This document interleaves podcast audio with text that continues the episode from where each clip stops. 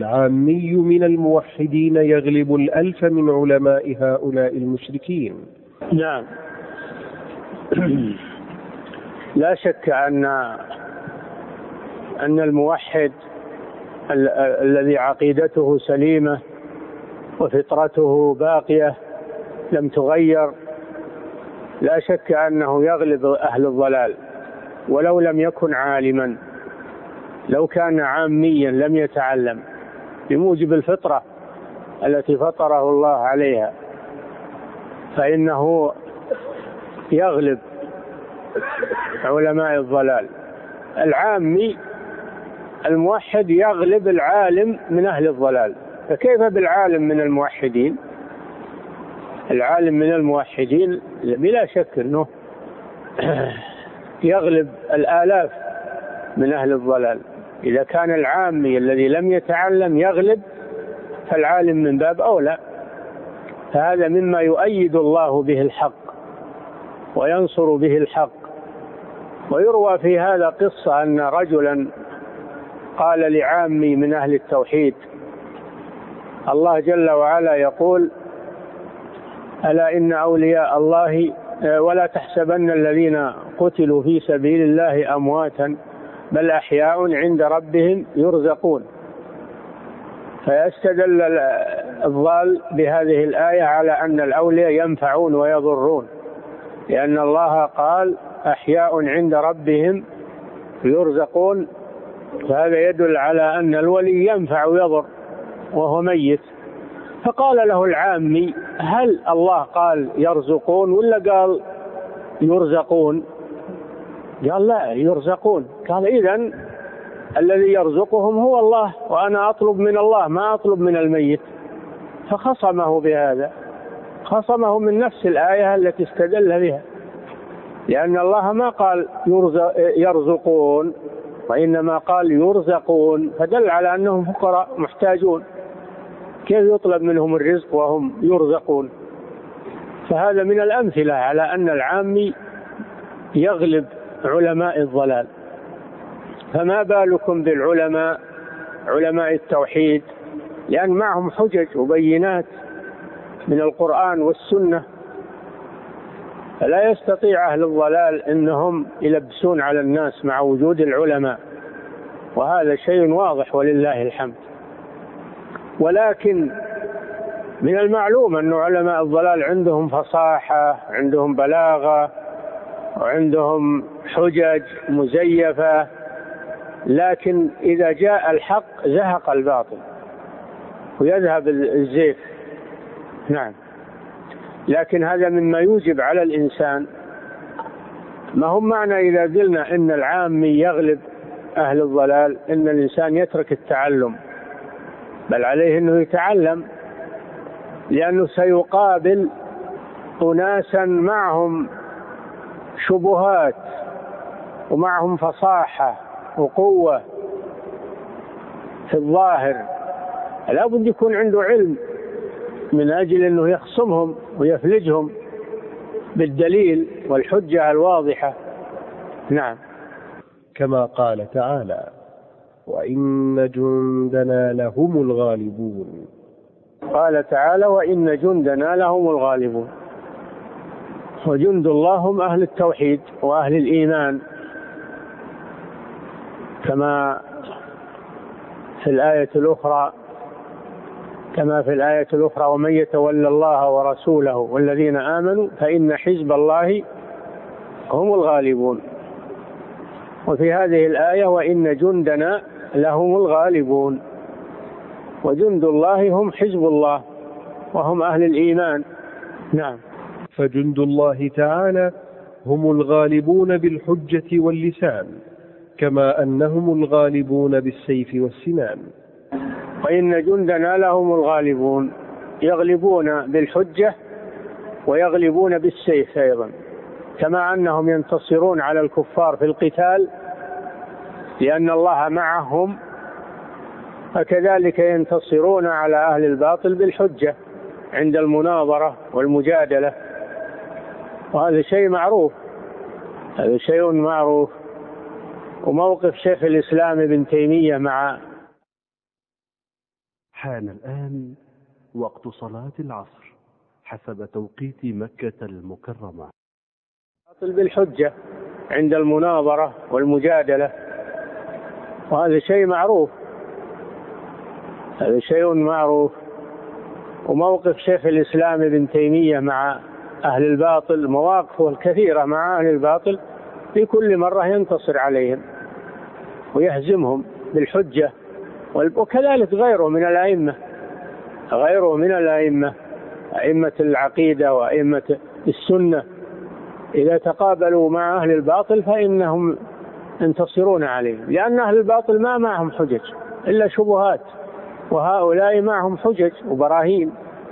والله جل وعلا يقول بل نقذف بالحق على الباطل فيدمغه. فإذا هو فإذا هو زاهق. فيقول جل وعلا وقل جاء الحق وزهق الباطل إن الباطل كان زهوقا. لكن هذا يحتاج منك أنك تتعلم تتعلم التوحيد وتتعلم الأدلة والحجج. من أجل أن أن تقوم بهذا العمل وهو مناظرة أهل الباطل مخاصمة أهل الباطل. نعم. وإنما الخوف على الموحد الذي يسلك الطريق وليس معه سلاح. الخوف على الموحد الذي لا يتعلم لا يتعلم ليس معه سلاح من العلم. هذا يخاف عليه إنه إذا قابل أهل الباطل ينتصرون عليه. لأن ما يقدر يدفع ما عندهم.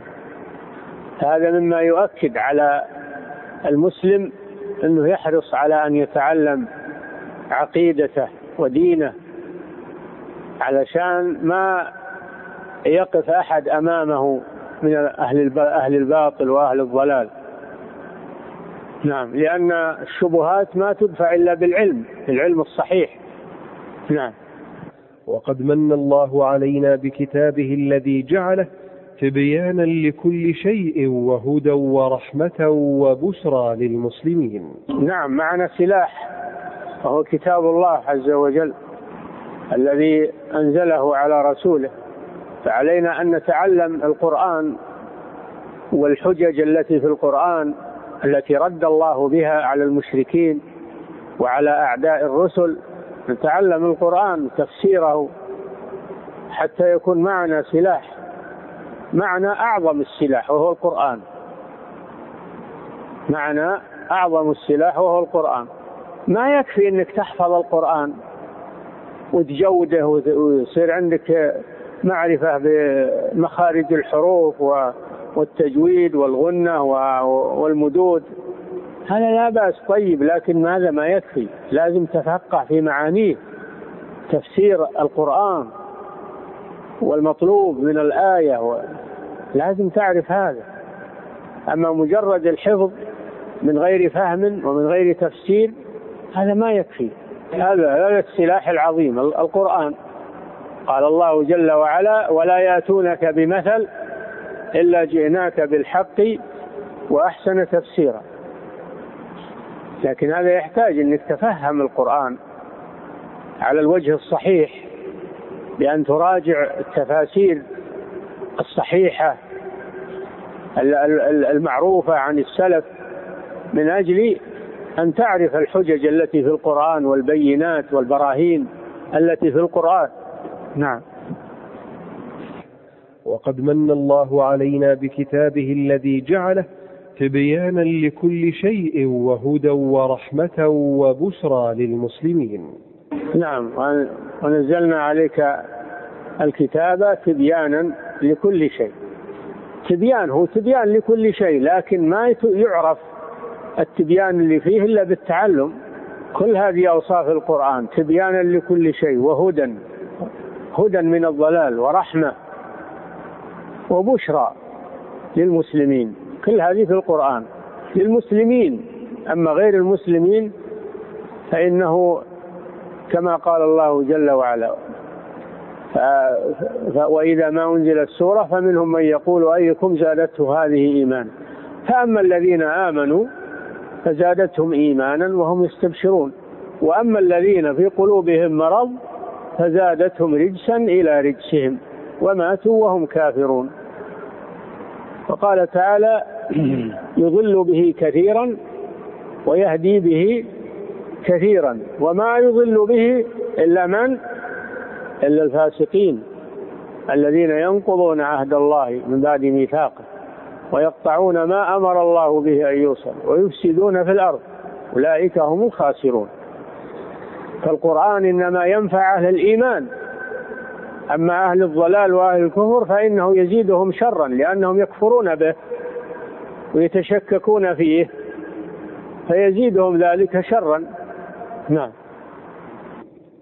فلا يأتي صاحب باطل بحجة إلا وفي القرآن ما ينقضها ويبين بطلانها. ما في شك أنه ما يأتي صاحب باطل بشبهة إلا وفي القرآن ما يبطلها. لكن لابد من من فهم القرآن تفسير القرآن التفسير الصحيح ولا هذا موجود في القرآن لكن ما كل يفهمه ولكن يعرفه إلا بالتعلم والحرص والتدبر للقرآن نعم. قد يكون الإنسان حافظ من القرآن أو حافظ من القراءات العشر مثلا لكن ما عنده علم ولا يعرف معاني الآيات ولا ما فيه من الأدلة مجرد تلاوة فقط وصوت هذا ما يكفي. نعم. كما قال تعالى ولا يأتونك بمثل إلا جئناك بالحق وأحسن تفسيرا. نعم ولا يأتونك بمثل ما يردون عليك شبهة وحجة ما يريد عليك أهل الباطل حجة وشبهة إلا وفي القرآن ما يبطلها. إلا جئناك بالحق وأحسن تفسيرا. هذا كله في القرآن. القرآن فيه الرد على أهل الباطل. لكن يحتاج منا إلى تدبر وإلى تفهم ومعرفة لمعانيه حتى نستطيع أن نقاوم به أهل الباطل. نعم. قال بعض المفسرين هذه الآية عامة في كل حجة يأتي بها أهل الباطل إلى يوم القيامة. اي نعم قال بعض المفسرين هذه الآية ولا يأتونك بمثل إلا جئناك بالحق وأحسن تفسيرا عامة في كل ما يأتي به أهل الباطل من الشبه والضلالات فإن القرآن يبطلها يبطلها لكن متى؟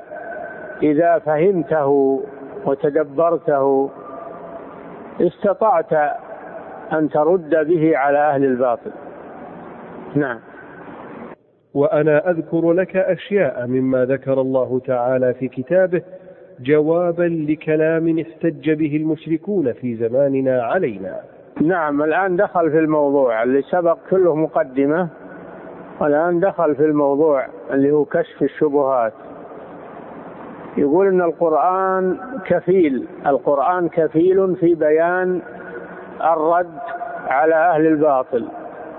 وأنا أذكر لك نماذج وردت علي وردت على المؤلف رحمه الله من أهل الباطل في وقته ووجد جوابها في القرآن وجد جوابها في القرآن وجوابها هو هذه الرسالة المسجلة. نعم. لكلام احتج به المشركون في زماننا علينا فنقول جواب أهل الباطل من طريقين. اي نعم. جواب أهل الباطل من طريقين مجمل جواب مجمل وجواب مفصل. انتبهوا للمجمل والمفصل. نعم. مجمل ومفصل. أما المجمل فهو الأمر العظيم والفائدة الكبيرة لمن عقلها. وذلك قوله تعالى هو الذي أنزل عليك الكتاب منه آيات محكمات. هن أم الكتاب وأخر متشابهات. فأما الذين في قلوبهم زيغ فيتبعون ما تشابه منه ابتغاء الفتنة وابتغاء تأويله وما يعلم تأويله إلا الله. نعم هذا الجواب المجمل. الله جل وعلا أخبر أن القرآن على قسمين. آيات محكمات وآيات متشابهات. ما معنى المحكمات؟ المحكمات هي الآيات الواضحة التي لا تحتاج في تفسيرها إلى غيرها هي واضحة من نفسها واضحة من نفسها. وهناك آيات متشابهات ما يظهر معناها إلا بردها إلى الآيات الأخرى التي تفسرها. التي تفسرها. هي ما يظهر معناها في نفسها. تحتاج إلى الآيات المحكمات التي تفسرها. فمثلا الناسخ والمنسوخ. قد تأتي آية منسوخة فيأخذها المبطل ويحتج بها وهي منسوخة. والمنسوخ لا يحتج به. مثلا قوله تعالى والذين يتوفون منكم ويذرون أزواجا وصية لأزواجهم متاعا إلى الحول. يقول لك هذه الآية تدل على أن عدة المتوفى عنها سنة. هذا من القرآن. يقول هذه آية من القرآن. هذه آية من القرآن تدل على أن المتوفى عنها يلزمها أن تعتد سنة كاملة 12 شهر. نقول لا الآية دي منسوخة بقوله تعالى والذين يتوفون منكم ويذرون أزواجا يتربصن بأنفسهن أربعة أشهر وعشرا. فالآية الأولى ناسخة للآية الثانية. ولا يجوز العمل بالمنسوخ بل يجب العمل بالناسخ. ومن يعمل بالمنسوخ هذا من أهل الضلال وأهل الزيغ. وكذلك المطلق والمقيد. هذا في القرآن مطلق ومقيد آيات مطلقة وفيها آيات مقيدة. نحمل المطلق على المقيد. يجي صاحب الضلال وياخذ المطلق ويحتج به ويترك المقيد مثل فتحرير رقبة جاء كذا تحرير رقبة في الآية الأخرى تحرير رقبة مؤمنة ولا لا؟ ها؟ فنحمل المطلق على المقيد نقول الرقبة الكافرة ما يجوز اعتاقها ولا يجزي في الكفارة لا بد أن تكون الرقبة المعتقة بالكفارة مؤمنة من الآية الأخرى. تربط آية مع آية ولا تأخذ الآية المطلقة وتترك المقيدة. أهل الباطل يأخذون المطلق ويتركون القيد. كذلك المجمل والمفصل. القرآن فيه آيات مجملة وفيه آيات مفصلة. فنحمل المجمل على المفصل. صاحب الباطل ياخذ المجمل ويترك المفصل لأجل الزيغ والضلال.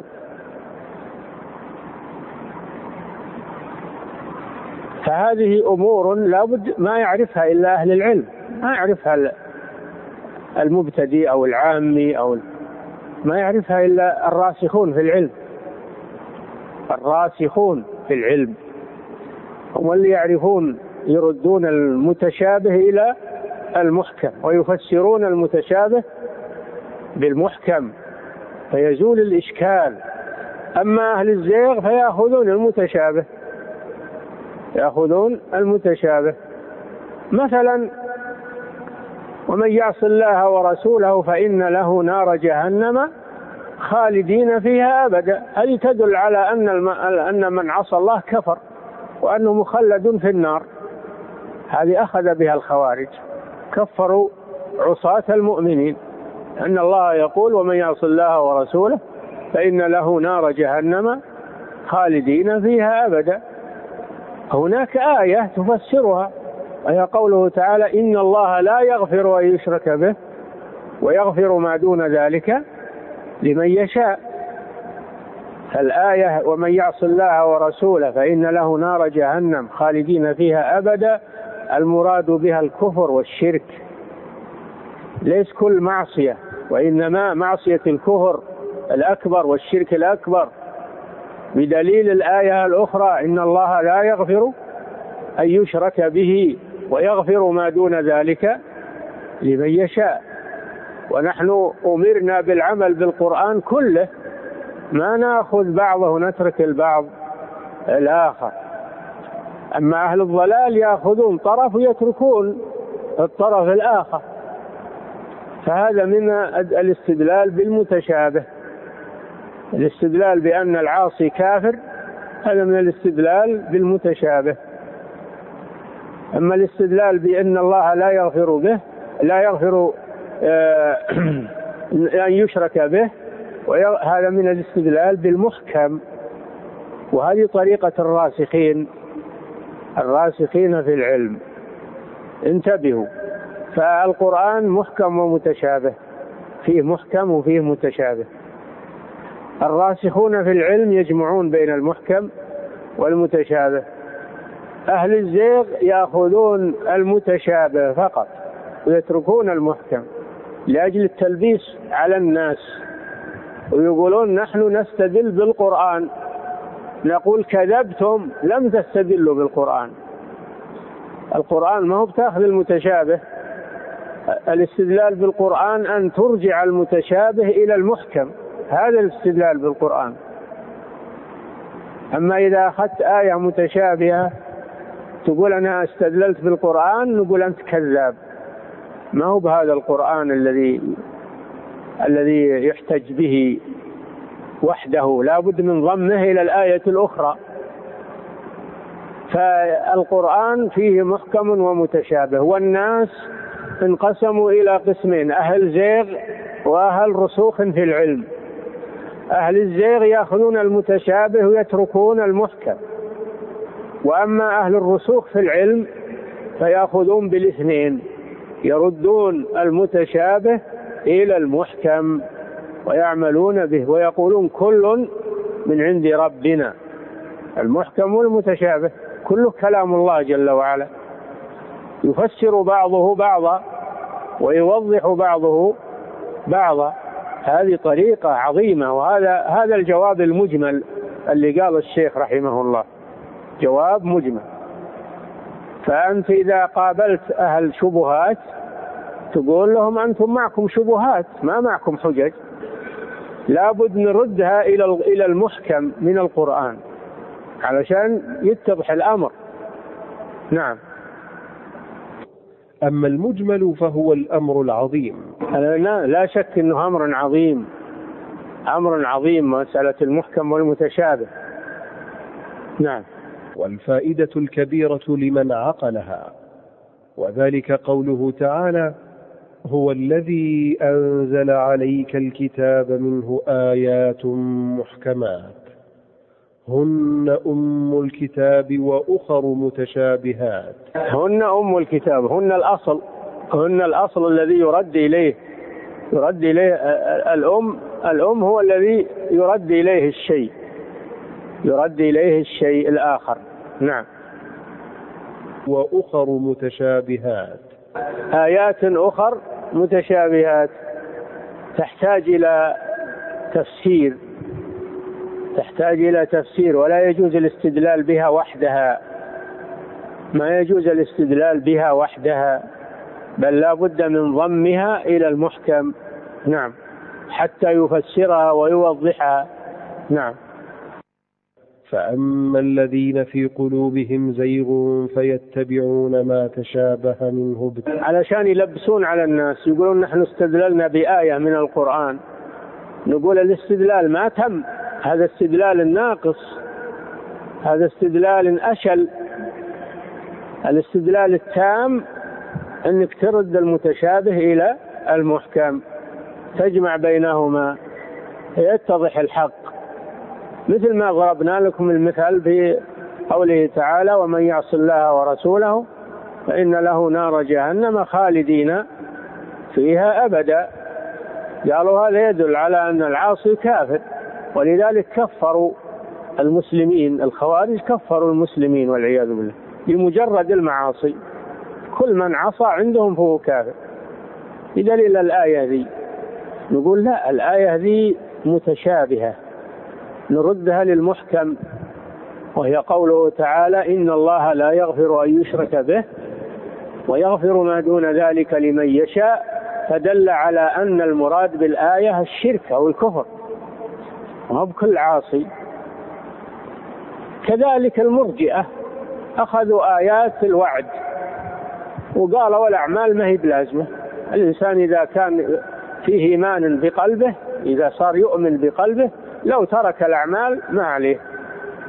لو ترك الأعمال ما عليه من أهل الجنة. وأخذوا بالآيات التي فيها أن من آمن بالله واليوم الآخر و فلا خوف عليهم ولا هم يحزنون. وأخذوا بهذا. نقول لا, لا. الإيمان ما هو مجرد التصديق بالقلب. الإيمان هو قول باللسان واعتقاد بالقلب. وعمل بالجوارح. مجموع القرآن مجموع الآيات. أما أننا ناخذ آية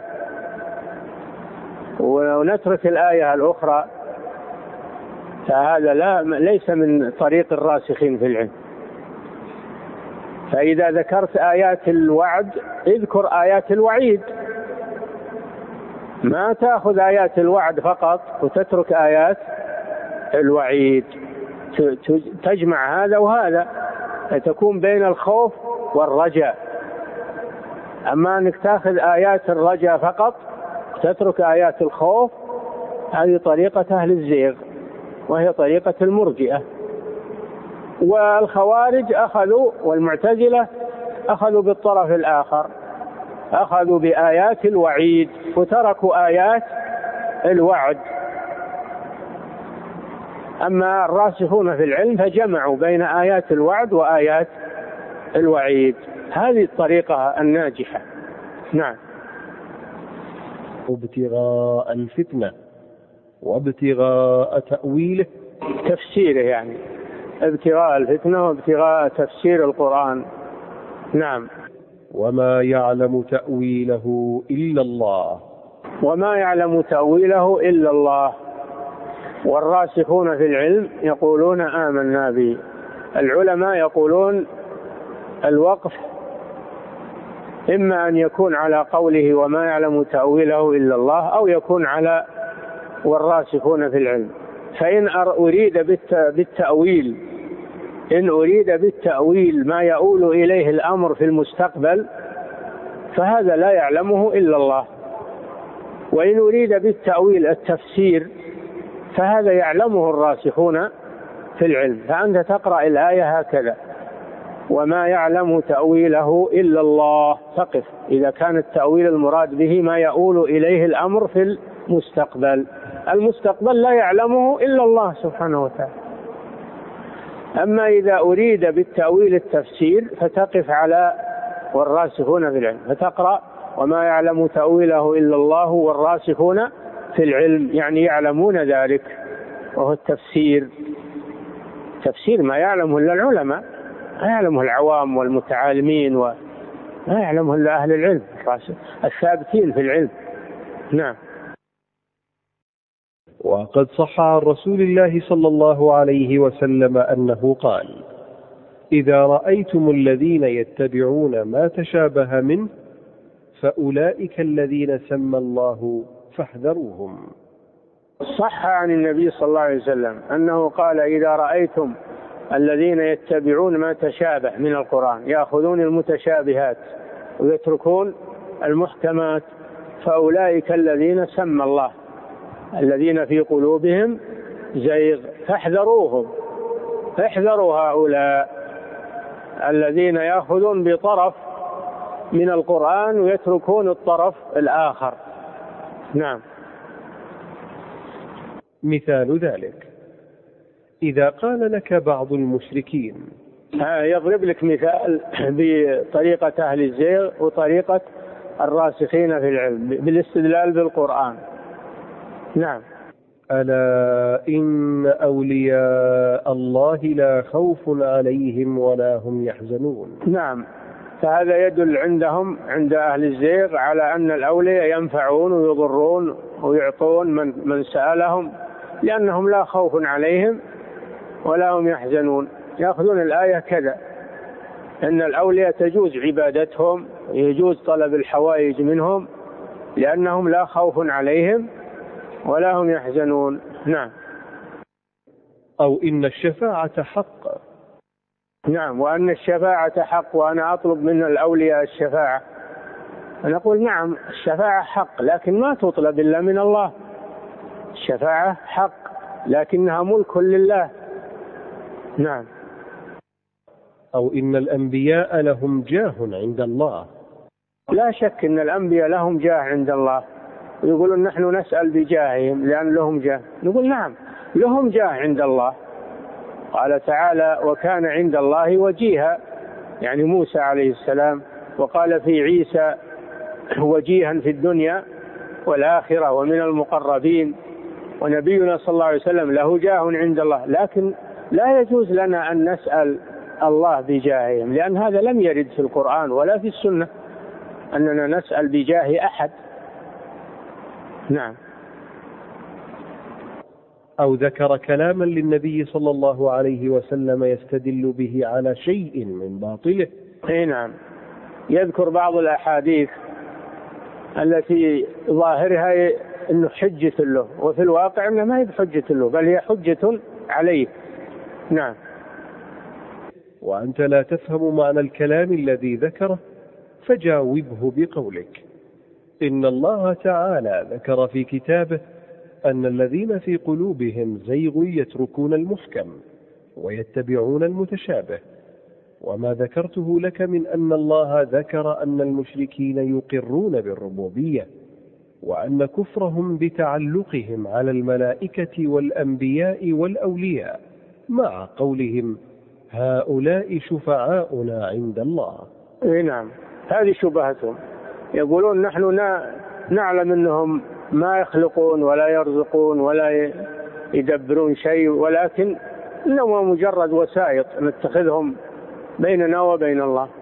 نقول لهم وين الدليل؟ وين الدليل على أن الله جل وعلا لا يدعى إلا بواسطة أو بجاه أحد؟ أعطونا دليل إنك تدعو الله بجاه فلان أو بحق فلان. ما في دليل ما عندهم دليل إلا أن الأولياء لا خوف عليهم ولا هم يحزنون. نعم لا خوف عليهم ولا هم يحزنون. يقول لك الشفاعة حق وأنا أطلب منهم الشفاعة. نقول نعم الشفاعة حق لكن ما تطلب من الأموات. ما في دليل على أن الشفاعة تطلب من الأموات وإنما الشفاعة تطلب من الله جل وعلا. قل لله الشفاعة جميعا له ملك السماوات والأرض. ويقول من ذا الذي يشفع عنده إلا بإذنه؟ الشفاعة لله لا بد يأذن بها. ما هو تطلبها من ميت. نعم. وهذا أمر محكم بين. لا يقدر أحد أن يغير معناه. وما ذكرته لي أيها المشرك من القرآن أو كلام رسول الله صلى الله عليه وسلم لا أعرف معناه. هذا العامي العامي اللي ما يعرف يرد عليهم يقول لهم أنا أنا أجزم بأن كلام الله لا يتناقض. أنا أجزم بأن كلام الله لا يتناقض. وإنما يفسر بعضه بعضا. نعم. ولكن أقطع أن كلام الله لا يتناقض. وأن كلام النبي صلى الله عليه وسلم لا يخالف كلام الله. وهذا جواب جيد سديد وهو مجمل. هذا مجمل بإمكان العام أنه يجاوب فيه. يقول أنا أيها المشبه ما أدري ما أعرف وش أنت تقول لكن أنا أرجع إلى أصل أرجع إلى أصل وهو أن كلام الله لا يتناقض وكلام الرسول لا يخالف كلام الله. وليس في كلام الله وكلام رسوله أننا نطلب من الميت شيء. ما في دليل واضح وما وحتى ولا موضوع ولا حديث موضوع. ما في. إن الميت يطلب منه شيء وإنما هذا يطلب من الحي القادر. أما الميت ما تطلب منه طعام ولا تطلب منه شراب ولا تطلب منه يساعدك لأنه ميت. أما الحي يمكن تطلب منه طعام أو شراب أو أنه يساعدك. في فرق بين الحي والميت. فاللي يسوي بين الحي والميت هذا مكابر. فالعام يعرف هذا ما يحتاج يتعلم يعرف هذا. يعرف إنه لا إن هناك فرق بين الحي والميت. أنت لو تطلب من واحد حي يساعدك أو تاجر يساعدك هذا ما هو بصحيح؟ صحيح. لكن لو تطلب من ميت تقول أنا فقير عطن تصدق علي وهو ميت في القبر هل أحد يقر هذا الشيء؟ ولا المجانين حتى. المجانين ما يروحون للقبور الآن. ولا لا؟ المجانين ما يروحون للقبور وهم مجانين. وهؤلاء عقلاء يروحون للقبور لأن عقولهم والعياذ بالله منتكسة. ولا يفرقون بين الحي والميت وبين القادر والعاجز ما يفرقون بين هذا وهذا. إلا حجة أنهم أولياء. نعم هم أولياء. هم أولياء ولكن الأولياء ما بيديهم شيء. الأمر لله سبحانه وتعالى. ترد عليهم بهذا الجواب ولو لم تكن متعلما. هذا كل يعرفه واضح. تقول له يا فلان ما يستوي الحي والميت؟ الله جل وعلا يقول ولا وما يستوي الأحياء ولا الأموات. ما يستوون. أن تقول أنهم سواء. أنا أقول لا ما هم سواء. وما يستوي الأحياء ولا ولا الأموات. نعم. ولكن لا يفهمه إلا من وفقه الله تعالى. أي نعم لا يفهمه إلا إنسان عنده فطرة سليمة وعنده عقلية. هذا جواب واضح جدا. تقول له الميت ما يطلب منه شيء لأنه عاجز ولا يسمع من دعاه وهو في عالم آخر. أنت في الدنيا وهو في الآخرة. أنت في عالم وهو في عالم آخر. فكيف تذهب إلى إنسان ميت ما يسمع دعاك ولو سمع ما يستطيع يجيبك لأنه ما يملك شيء عاجز مأسور.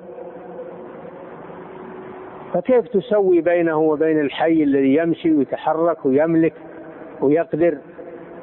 هذا الشيء الفطرة تنكره.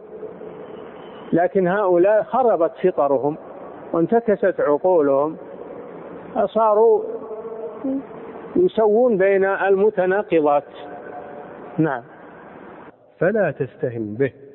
فإنه كما قال تعالى وما يلقاها إلا الذين صبروا وما يلقاها إلا ذو حظ عظيم. هذه الحجة العظيمة لا يلقاها إلا الذين صبروا. هذه الحجة الواضحة اللي كل يستطيعها العامي والمتعلم. لكن أكثر ال ال الناس بلها عندهم بله ما يتنبهون لهذا.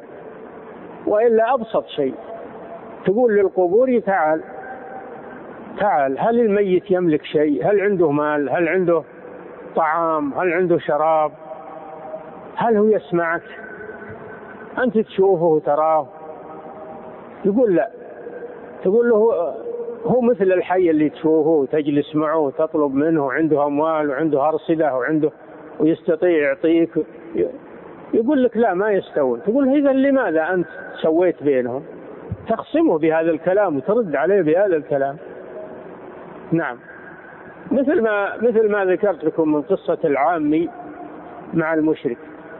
المشرك يقول أحياء عند ربهم يرزقون. قال العامي هل قال يرزقون ولا قال يرزقون؟ قال يرزقون. قال إذا ما أنا أطلب من اللي يرزقهم ما أطلب منهم هم. يعني جواب بسيط واضح. نعم. وواحد وواحد قال الواحد من أهل السنة واحد من المعتزلة قال واحد من أهل السنة ماذا تقول لربك يوم القيامة إذا قال لك من أين أخذت أنني أتكلم؟ قال أنت يا ربي الآن تتكلم. أقول له أنت يا ربي الآن تتكلم. فخصمه. خصمه بسهولة. نعم.